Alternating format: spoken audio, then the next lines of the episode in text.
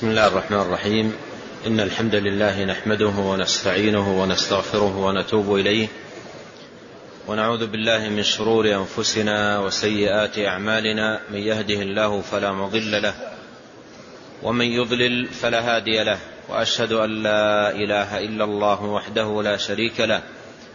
وأشهد أن محمدا عبده ورسوله صلى الله وسلم عليه. وعلى آله وأصحابه أجمعين. اللهم لا علم لنا إلا ما علمتنا. اللهم علمنا ما ينفعنا وزدنا علما. يا ذا الجلال والإكرام. نعم. الحمد لله رب العالمين والصلاة والسلام على أشرف الأنبياء والمرسلين نبينا محمد عليه أفضل الصلاة وتم التسليم. قال الإمام شيخ الإسلام ابن تيمية رحمه الله تعالى في كتابه الكلم الطيب. قال فصل في الغضب. قال الله تعالى وإما ينزغنك من الشيطان نزغ فاستعذ بالله إنه هو السميع العليم. قال رحمه الله فصل في الغضب. الغضب خصلة جاء الإسلام بالنهي عنها والتحذير منها. ومما يترتب عليها من شرور وأخطار. قد جاء في الحديث الصحيح أن رجلا أتى النبي صلى الله عليه وسلم وقال يا رسول الله أوصني. فقال صلى الله عليه وسلم لا تغضب. فعاد ذلك فكرر عليه الصلاة والسلام الوصية بعدم الغضب. قال لا تغضب. قال ذلك الرجل فتفكرت في هذا الأمر فإذا بالغضب جماع الشر وذلك أن الإنسان إذا غضب واشتد به غضبه لا يستطيع أن يسيطر على عقله وعلى تفكيره بل تكون تصرفاته وأعماله وأقواله كلها مبنية على الرعونة والفظاظة والغلظة والشدة والبعد عن الأنات. ولهذا جاء الإسلام بالنهي عن الغضب لا تغضب. وقول النبي عليه الصلاة والسلام في هذه الوصية لا تغضب يشمل أمرين. الأمر الأول أن يعود المسلم نفسه على الأخلاق الحميدة الصبر واحتمال الأذى وحسن الخلق طيب المعاملة. فإن تعويد النفس وتدريبها على هذه الأخلاق الفاضلة يعين الإنسان على ترك الغضب. بخلاف من كانت أخلاقه سيئة فإنه سيكون سريع الغضب. وأيضا يقع منه عند غضبه من الأمور التي لا تليق في الأفعال والأقوال. الأمر الثاني مما يدل عليه قول النبي صلى الله عليه وسلم لا تغضب أي لا تنفذ ما يدعوه إليك الغضب لأن الغضب قد يأتي للإنسان بدون طلب له. ولا يستطيع أن يمنعه. لكن حسن الخلق يستطيع بإذن الله تبارك وتعالى أن يمنع الأمور التي تترتب على الغضب من قول سيء أو فعل سيء. وهذا معنى قول النبي عليه الصلاة والسلام ليس الشديد بالسرعة. ولكن الشديد الذي يملك نفسه عند الغضب. إذا وجد الغضب فيه ملك نفسه بمنعها من قول سيء أو فعل سيء. والغضب كما بين أهل العلم هو غليان الدم وكثرة خفقان القلب لحصول أمر مؤذن إما أمر مؤذن يخشى وقوعه الإنسان فيغضب خشية وقوع هذا الأمر أو أمر مؤذن وقع للإنسان فعلا فيغضب لأجل وقوعه. وفي الغالب وفي عامة الناس إذا وجد الغضب بوجود أسبابه وفار الدم وازداد خفقان القلب لا يصبح الإنسان مسيطرا على أقواله وأفعاله. فيصبح في في كلامه يقول الكلام السيء وفي أفعاله يفعل الأفعال السيئة. وهذه كلها آثار للغضب لا تحمد. إما قول سيء بالسباب والشتام وربما أيضا فيما يتعلق بين الزوجين بالطلاق والظهار ونحو ذلك أو بالأفعال السيئة بمد اليد بالضرب والقتل والعدوان. وكثير من الناس يفعل أفعالا سيئة أو أقوالا سيئة ثم يعتذر يقول كنت غضبانا. ويندم. يندم على فعله السيء أو قوله السيء الذي وقع منه حين غضبه ويعتذر عن ذلك بكونه كان في في مرحلة غضب. وهذا لا يعتبر لا يعتبر عذرا بل الذي ينبغي على الإنسان أن يجاهد نفسه على أن يملك نفسه عند الغضب. وقد وصف أحد العلماء المتقدمين الغضب بوصف بليغ جدا. فقال الغضب أوله جنون وآخره ندم. أوله جنون لأن الغضبان وقت الغضب صفته وهيئته وحركاته وأقواله تشبه المجنون لأنها تصدر عن فورة الغضب ولا تصدر عن عقل الإنسان. تصدر عن فورة الغضب ولا تصدر عن عقله وتفكيره وأناته وحلمه وإنما تصدر عن فورة الغضب. فهي أقوال وأفعال تشبه أفعال المجانين. أوله جنون وآخره ندم. يعني إذا سكن غضب الإنسان ثم نظر إلى الأفعال التي وقعت منه وقت غضبه يندم. ويقول ليتني لم أفعل كذا وليتني لم أفعل كذا في أمور لا تفيده تمنيات لا تفيده. الذي يفيد الإنسان هو أن يملك نفسه أن يملك نفسه عند غضبه. ومما ينبغي أن يتنبه له هنا أن الغضب نزغة من نزغات الشيطان. والشيطان يحضر سريعا عند الإنسان حال غضبه ليؤزه إلى القول السيء والفعل السيء. ولهذا جاء عند المصنف إرادة قول الله تبارك وتعالى وإما ينزغنك من الشيطان نزغ فاستعذ بالله إنه هو السميع العليم. وأورد أيضا حديث سليمان بن صرد في هذا المعنى ويأتي الكلام عليه. فالغضبان أو من أتاه الغضب يستحب له في هذا المقام أن يستعيذ بالله تبارك وتعالى من الشيطان الرجيم. ثم عليه بأمرين مهمين للغاية. جاء التوجيه أو جاء توجيه الغضبان إليهما في السنة سنة النبي عليه الصلاة والسلام أحدهما يتعلق بالأقوال والثاني يتعلق بالأفعال. أما الأمر الأول هو الذي يتعلق بالأقوال فإن الواجب على الغضبان ألا يتكلم بأي كلمة مطلقا. يمتنع وقت الغضب من الكلام. لماذا؟ لأن الإنسان وقت الغضب لا لا لا يحسن أن يتكلم ولا يحسن أن يفكر ولا يحسن أن يقول.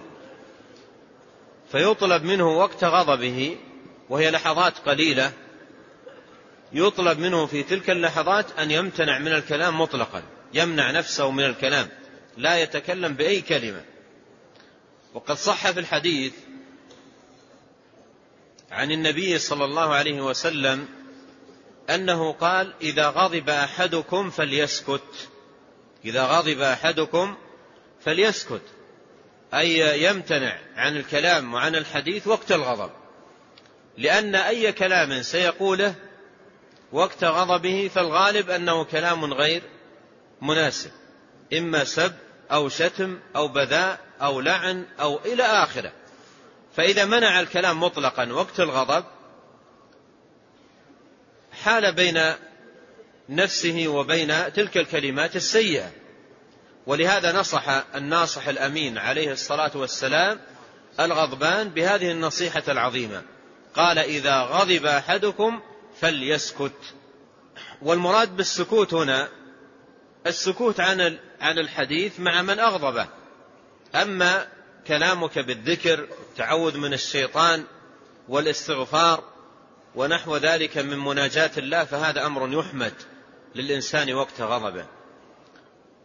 فيراد بالسكوت السكوت عن التحدث عمن مع من أغضب الإنسان لأن الحديث يزيد الغضب ويزيد الانفعال ويزيد الشر ولهذا يطلب من الغضبان أن يمتنع من الحديث وقت غضبه.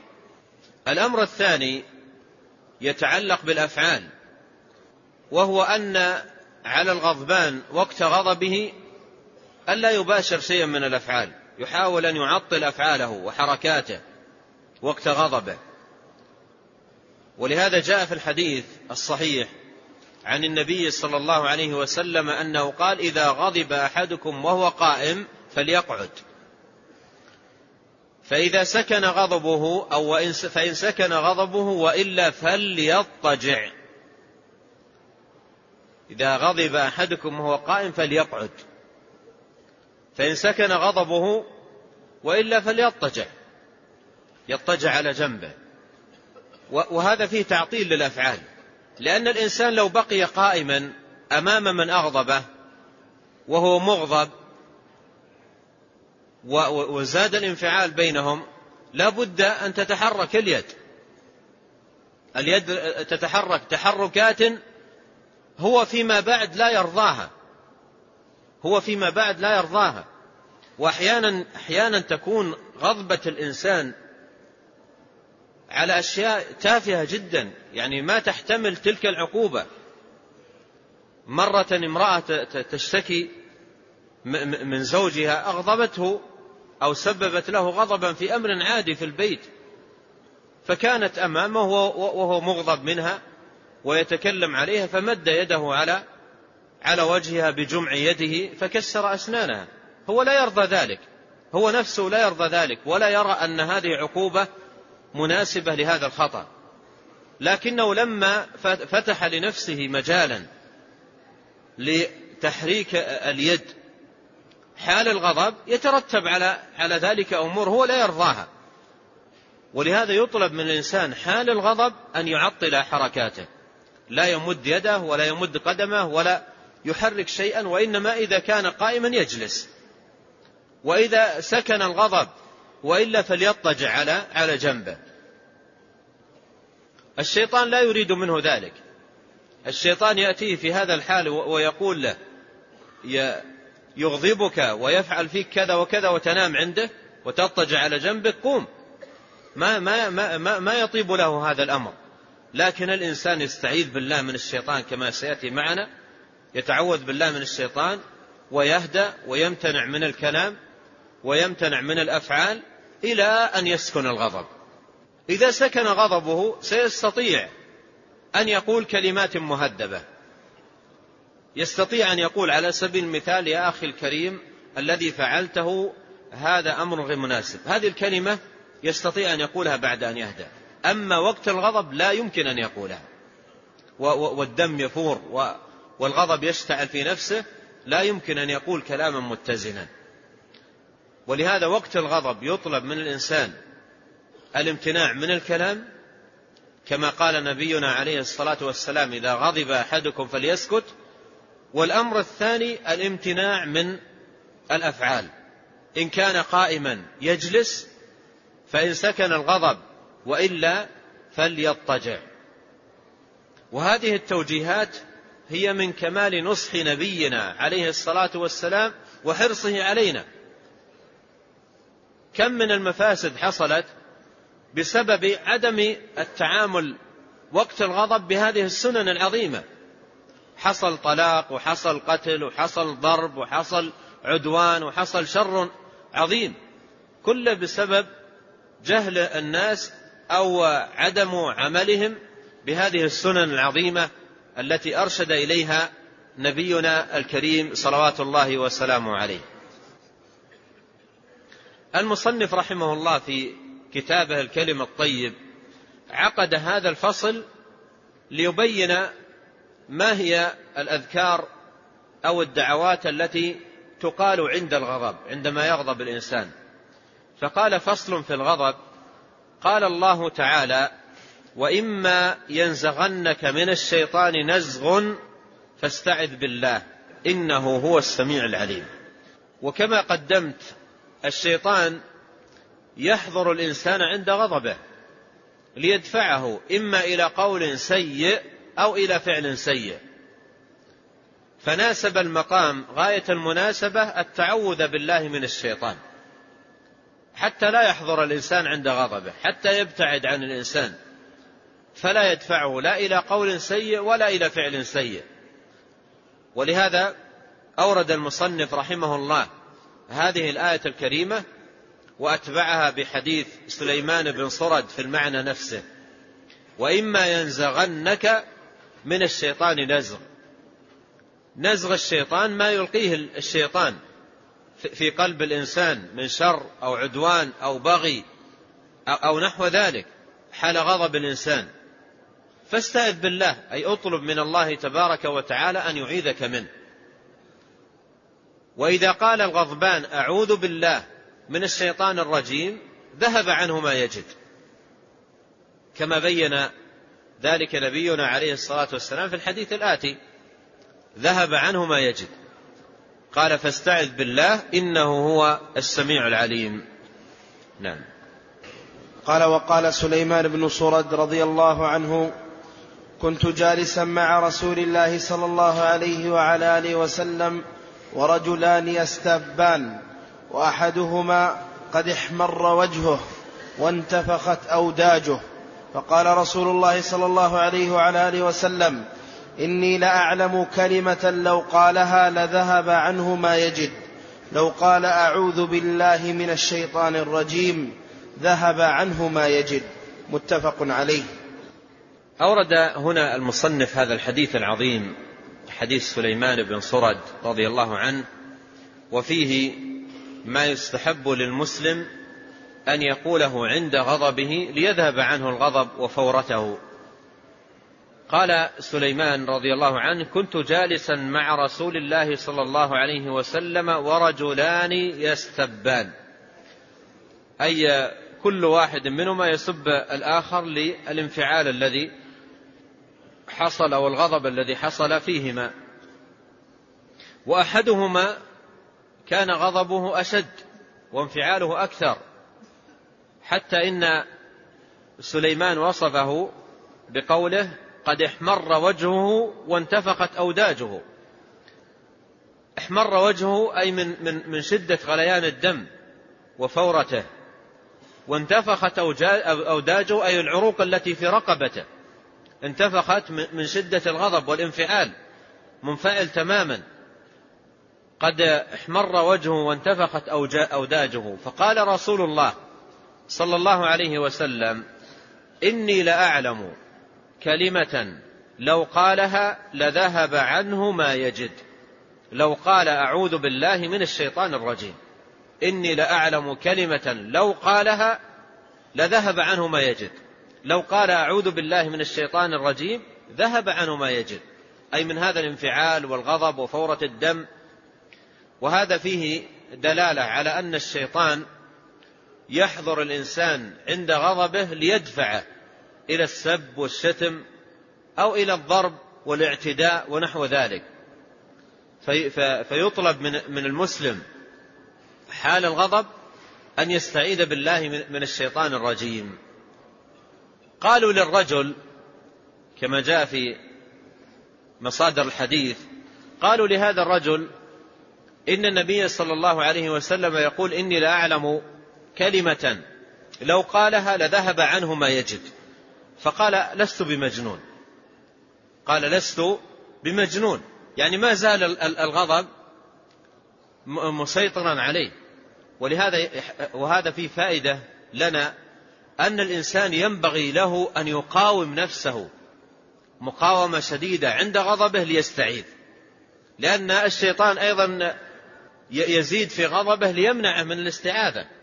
فيحتاج الإنسان إلى أن يقاوم نفسه ليستعيذ. وأيضا أمر آخر. إذا كان الإنسان غضبان ووجد من يتلطف معه ليهدئ غضبه عليه أن يروض نفسه على ماذا؟ على الاستجابة. يعني بعض الناس حتى الذي يأتيه يتلطف معه ليهدئ غضبه ربما أيضا يضربه ويعتدي عليه. وهذه كلها من الأخلاق التي لا تليق بالمسلم.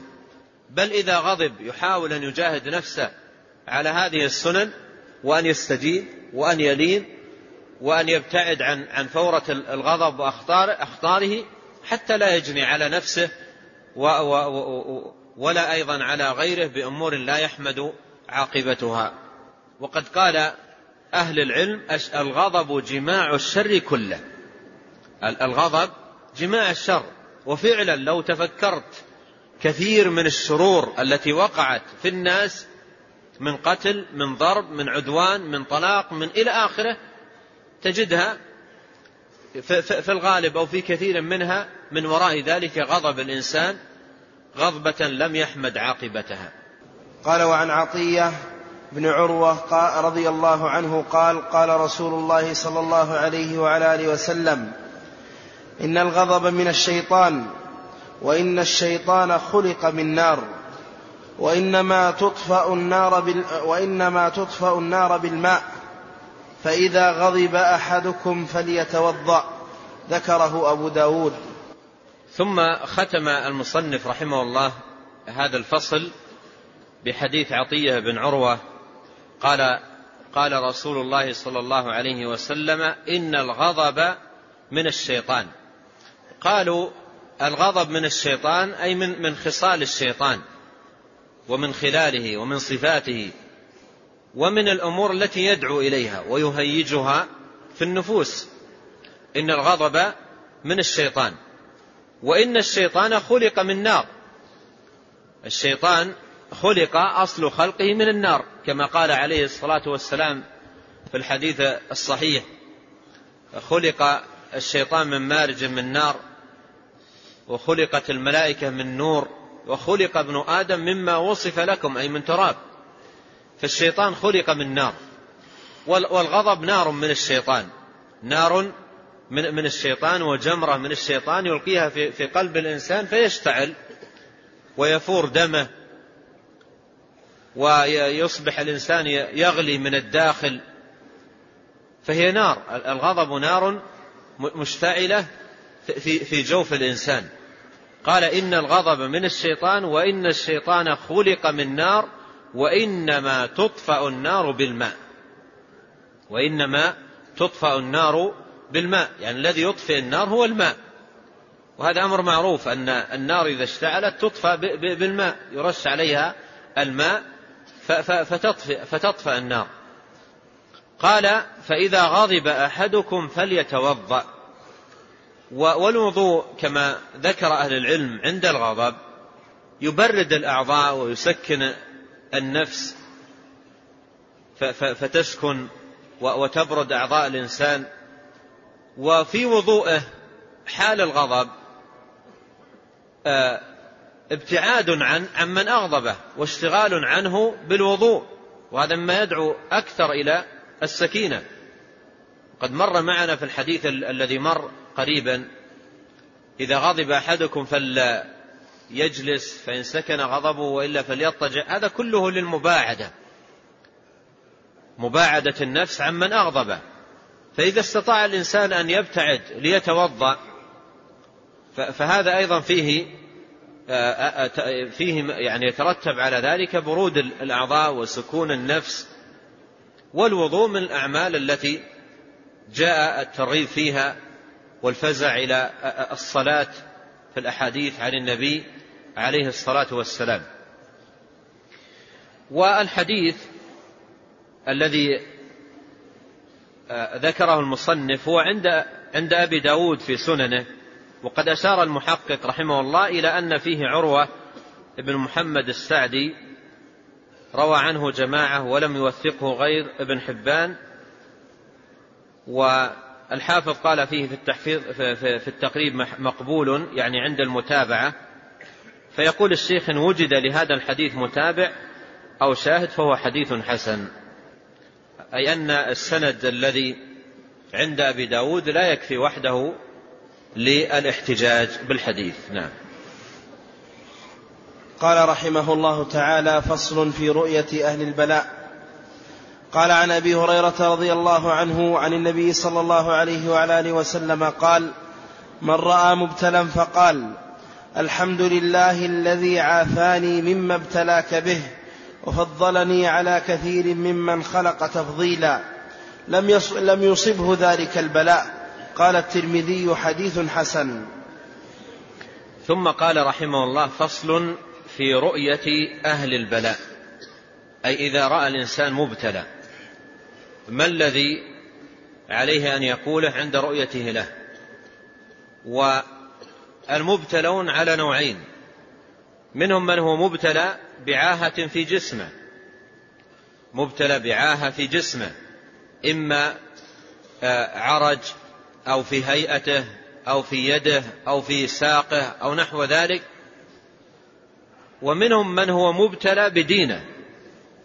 بفعل المعاصي والإكباب على الآثام ونحو ذلك. وكل من هؤلاء إذا رآهم الإنسان عليه أن يحمد الله على العافية أن يحمد الله على العافية أن عافاه من هذا الابتلاء في البدن وأن عافاه سبحانه وتعالى من هذا الابتلاء في الدين.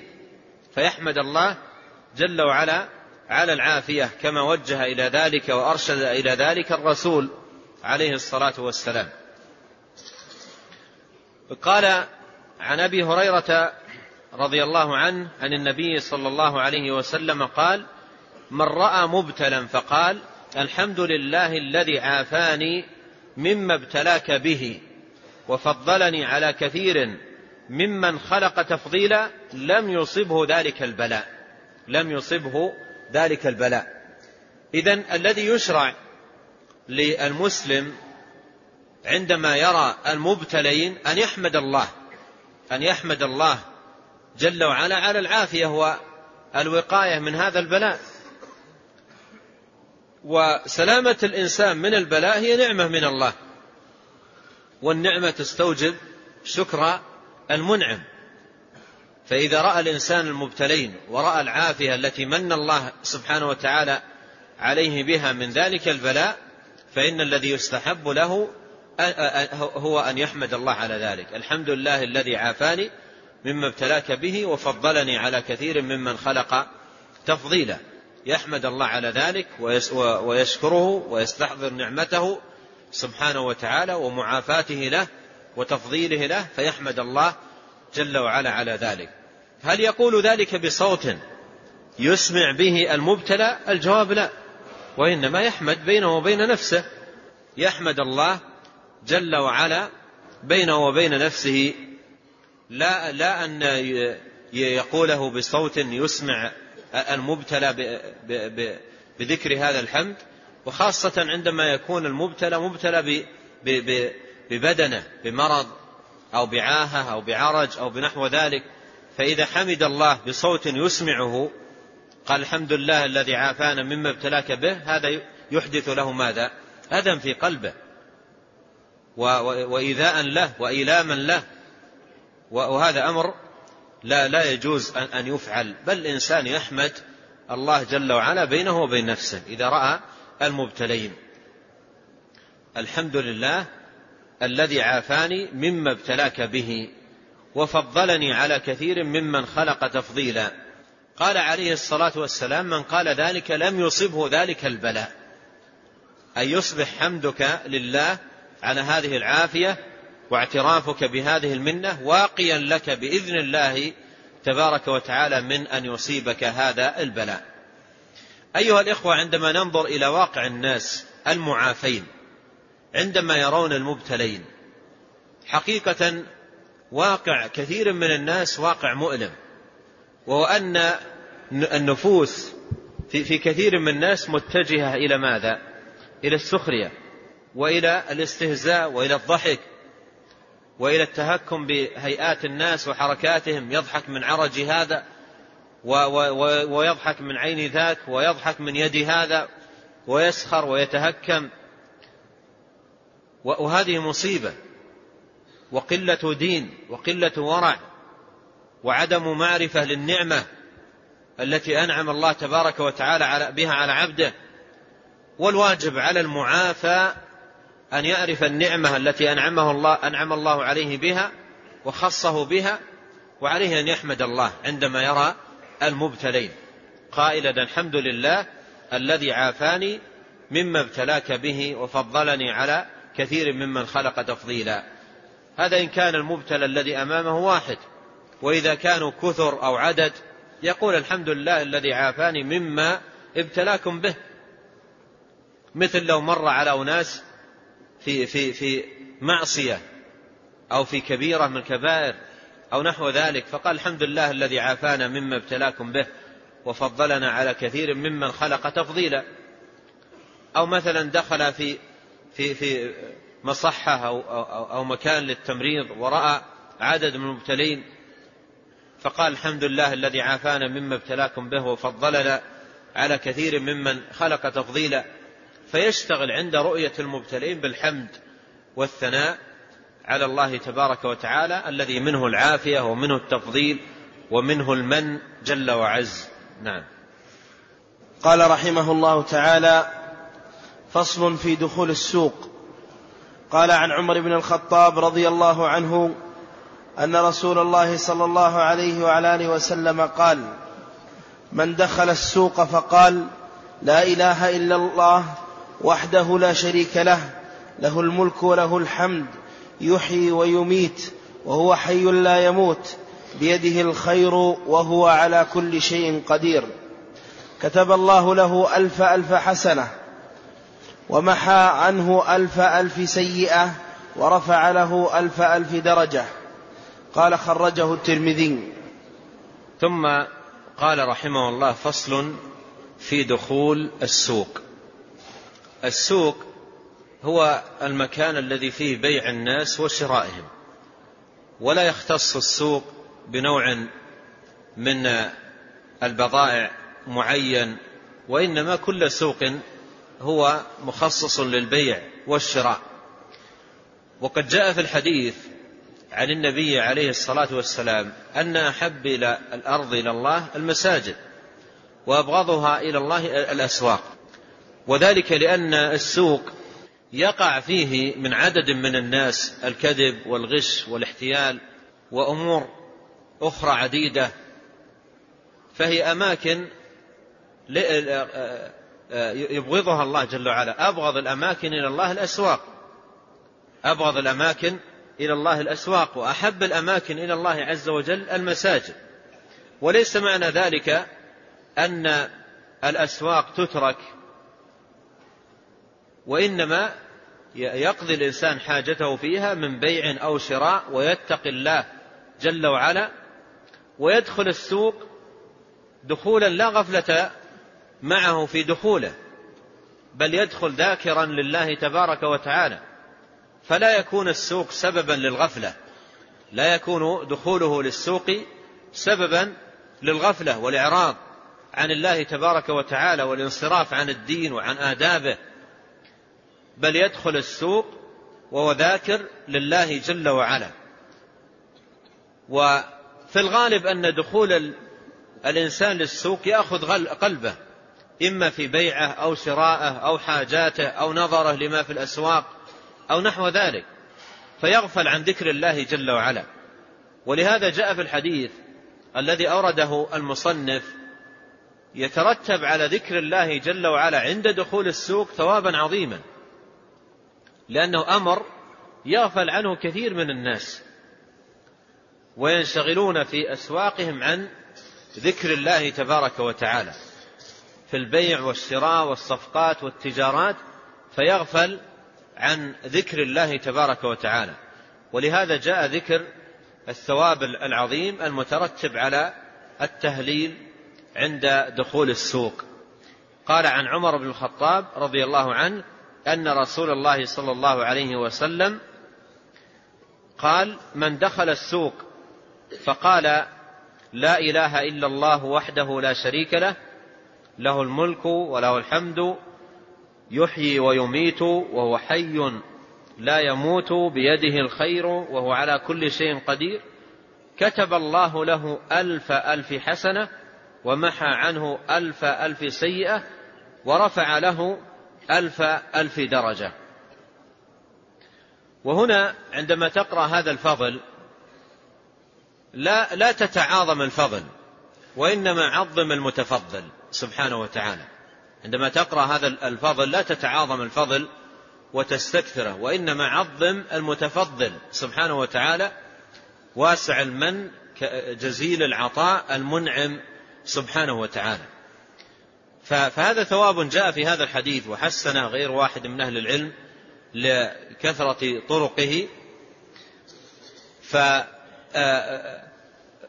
أن المسلم عندما يدخل السوق يأتي بهذه الكلمات العظيمة وهي كلمات توحيد لله جل وعلا.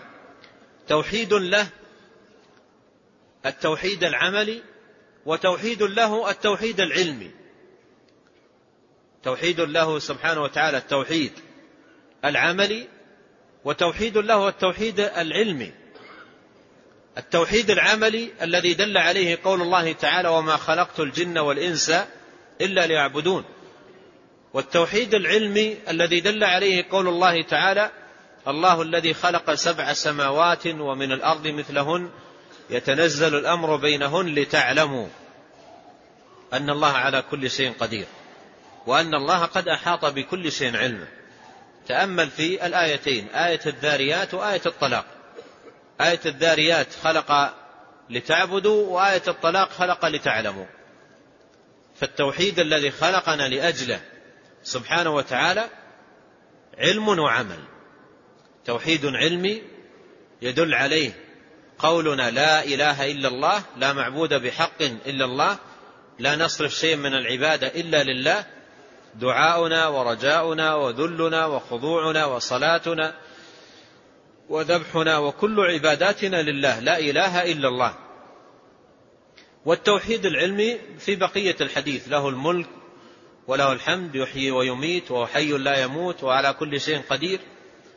هذه أوصاف العظمة لله تبارك وتعالى فنؤمن بها ونقر بها ونثبتها لله تبارك وتعالى. وإيماننا بها يزيدنا ثقة بالله وتوكلا عليه وقياما بطاعته سبحانه وتعالى على الوجه الذي يحب. قوله لا إله إلا الله هذه كلمة التوحيد ومعناها لا معبود بحق إلا الله فيها نفي وإثبات. نفي للعبودية عن كل من سوى الله وإثبات للعبودية بكل معانيها لله وحده. وقوله وحده لا شريك له هذا تأكيد للتوحيد واهتمام بشأنه الذي هو مدلول لا إله إلا الله. فقوله وحده تأكيد للإثبات في لا إله إلا الله وقوله لا شريك له تأكيد للنفي فيها. لا إله إلا الله كما عرفنا فيها ركنان نفي وإثبات. النفي في قولنا لا إله والإثبات في قولنا إلا الله. وأكد النفي والإثبات بقولنا وحده لا شريك له. فوحده تأكيد للإثبات ولا شريك له تأكيد للنفي. وقوله له الملك وله الحمد.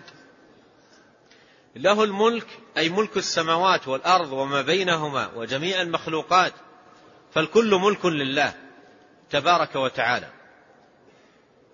ليس لله تبارك وتعالى شريك في الملك. قل ادعوا الذين زعمتم من دون الله لا يملكون مثقال ذرة في السماوات ولا في الأرض وما لهم فيهما من شرك وما له منهم من ظهير سبحانه وتعالى. وله الحمد أي الحمد كله لله أولا وآخرا ظاهرا وباطنا على أسمائه الحسنى وصفاته العليا وعلى نعمه وعطاياه التي لا تعد ولا تحصى. وقوله يحيي ويميت وهو حي لا يموت هذه صفة الله. الحياة التي لم تسبق بعدم ولا يلحقها فناء كل شيء هالك إلا وجهه ولا يعتريها سنة ولا يعتريها نقص. قال تعالى لا تأخذه سنة ولا نوم فهي حياة كاملة مستلزمة لثبوت الصفات. من العلم والسمع والبصر والإرادة والمشيئة وغير ذلك من صفات الكمال. قال يحيي ويميت وهو حي لا يموت. يحيي ويميت أي حياة الحيوان حياة جميع الحيوان بيده تبارك وتعالى. يحيي ويميت. والأمر بيده سبحانه وتعالى. هو الذي يحيي وهو الذي يميت فالأمور طوع تدبيره وتسخيره سبحانه وتعالى يحيي ويميت وهو حي لا يموت. لاحظ الآن هذه الصفة في هذا السياق المبارك يحيي ويميت وهو حي لا يموت. هذا يفيدك فائدة عظيمة أن من براهين التوحيد ودلائل وجوب إخلاص العبادة لله أن الله يحيي ويميت وهو حي لا يموت. فالعبادة تصرف لمن هذا شأنه للمحيي المميت الحي الذي لا يموت. ولهذا قال عز وجل وتوكل على على الحي الذي لا يموت هو الحي لا إله إلا هو فادعوه مخلصين له الدين. فالعبادة تصرف للحي الذي لا يموت. الله لا إله إلا هو الحي القيوم. فالعبادة حق لمن هذا شأنه؟ الحي الذي لا يموت هو الذي له العبادة له الصلاة وله الدعاء وله الرجاء وعليه التوكل. العبادة كلها له. أما من سوى الله فهو لا يخرج عن أمور ثلاثة. إما حي سيموت أو حي قد مات أو جماد لا حياة له أصلا. هل واحد من هؤلاء الثلاثة يستحق شيء من العبادة؟ الحي الذي يموت أو الحي الذي قد مات أو الجماد الذي لا حياة له أصلا. هل شيء من هذه تستحق العبادة؟ لا والله. الذي يستحق العبادة الحي الذي لا يموت وهو الله سبحانه وتعالى. ولهذا دوى بها أبو بكر الصديق رضي الله عنه يوم مات النبي عليه الصلاة والسلام. ماذا قال؟ قال من كان يعبد محمدا فإن محمدا قد مات. ومن كان يعبد الله فإن الله حي لا يموت. العبادة للحي الذي لا يموت. وقد كان نبينا عليه الصلاة والسلام يقول في دعاء كما في الصحيحين اللهم لك أسلمت وبك آمنت وعليك توكلت وإليك أنبت وبك خاصمت أعوذ بعزتك لا إله إلا أنت أن تضلني فأنت الحي الذي لا يموت والجن والإنس يموتون. العبادة حق للحي الذي لا يموت. قال يحيي ويميت وهو حي لا يموت بيده الخير. الخير كله بيد الله. والملك كله بيد الله. لا مانع لما أعطى ولا معطي لمن منع. لا خافض لما رفع ولا رافع لما خفض. لا قابض لما بسط ولا باسط لما قبض. الملك ملكه والخير بيده. وفي قول الإنسان بيدك الخير في دخول للسوق مناسبة لأنه يطلب حاجته والخير بيد الله جل وعلا. والخير بيد الله تبارك وتعالى والفضل منه وبيده سبحانه وتعالى فهو المان والمعطي والمتفضل. فهذا فيه التوكل على الله وحسن الالتجاء إليه سبحانه وتعالى. قال وهو على كل شيء قدير وهو على كل شيء قدير. وهذا فيه أن قدرة الله عز وجل شاملة لكل شيء. وهو جل وعلا على كل شيء قدير. لا يعجزه شيء في الأرض ولا في السماء. ثم ذكر الثواب الذي يترتب على هذا التهليل المبارك عند دخول السوق. قال كتب الله له ألف ألف حسنة ومحى عنه ألف ألف سيئة ورفع له ألف ألف درجة. وهذا ثواب عظيم. ولا يتعاظم الإنسان في هذا المقام الثواب وإنما يعظم المعطي المثيب سبحانه وتعالى. نعم. قال وعن بريدة رضي الله عنه قال كان رسول الله صلى الله عليه وعلى آله وسلم إذا خرج إلى السوق قال بسم الله اللهم إني أسألك من خير هذه السوق وخير ما فيها وأعوذ بك من شرها وشر ما فيها. اللهم إني أعوذ بك أن أصيب فيها يمينا فاجرة أو صفقة خاسرة. قال رحمه الله إسناد هذا أمثل من الأول. ثم أورد المصنف رحمه الله في خاتمة هذا الفصل حديث بريدة رضي الله عنه قال قال كان رسول الله صلى الله عليه وسلم إذا خرج إلى السوق قال بسم الله اللهم إني أسألك من خير هذا السوق وخير ما فيها وأعوذ بك من شرها وشر ما فيها اللهم إني أعوذ بك أن أصيب فيها يمينا فاجرة أو صفقة خاسرة.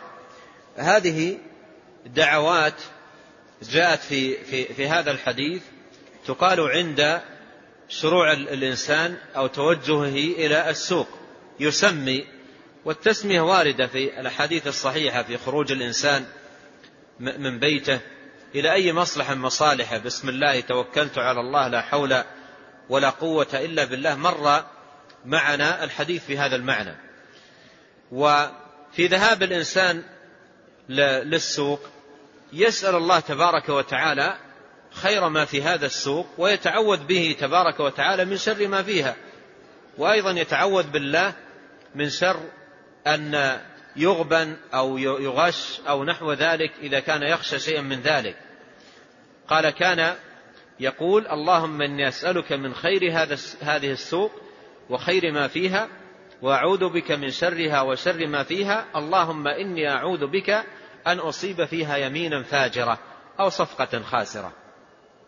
وهذه الدعوة التعوذ عند دخول السوق من شر السوق أو من شر أهلها وسؤال الإنسان خير ما في السوق أو خير ما فيها دعوة لا بأس بها. وإن كان الحديث في, في, في سنده كلام كما بين المحقق لكن لا بأس أن إذا خشي الإنسان أو نحو ذلك أن يتعوذ بالله جل وعلا. من خير من شر ما في السوق وأيضا أن يسأل الله تبارك وتعالى خير ما فيها ويرجو الله سبحانه وتعالى فضله يعني ويطلب توفيقه تيسيره أو نحو ذلك من المعاني التي يقصدها أو يطلبها الإنسان حين دخوله للسوق. وأشار المحقق رحمه الله الشيخ الألباني إلى أن سؤال الخير والاستعاذة من الشر ثبت موقوفا على ابن مسعود عند الطبراني. فسؤال الإنسان الخير أو تعوده من الشر أو سؤال الله التوفيق أو نحو ذلك من المعاني التي يقصدها الإنسان عند دخوله السوق هذه أمور لا بأس بها أن يقولها المسلم عند دخوله السوق.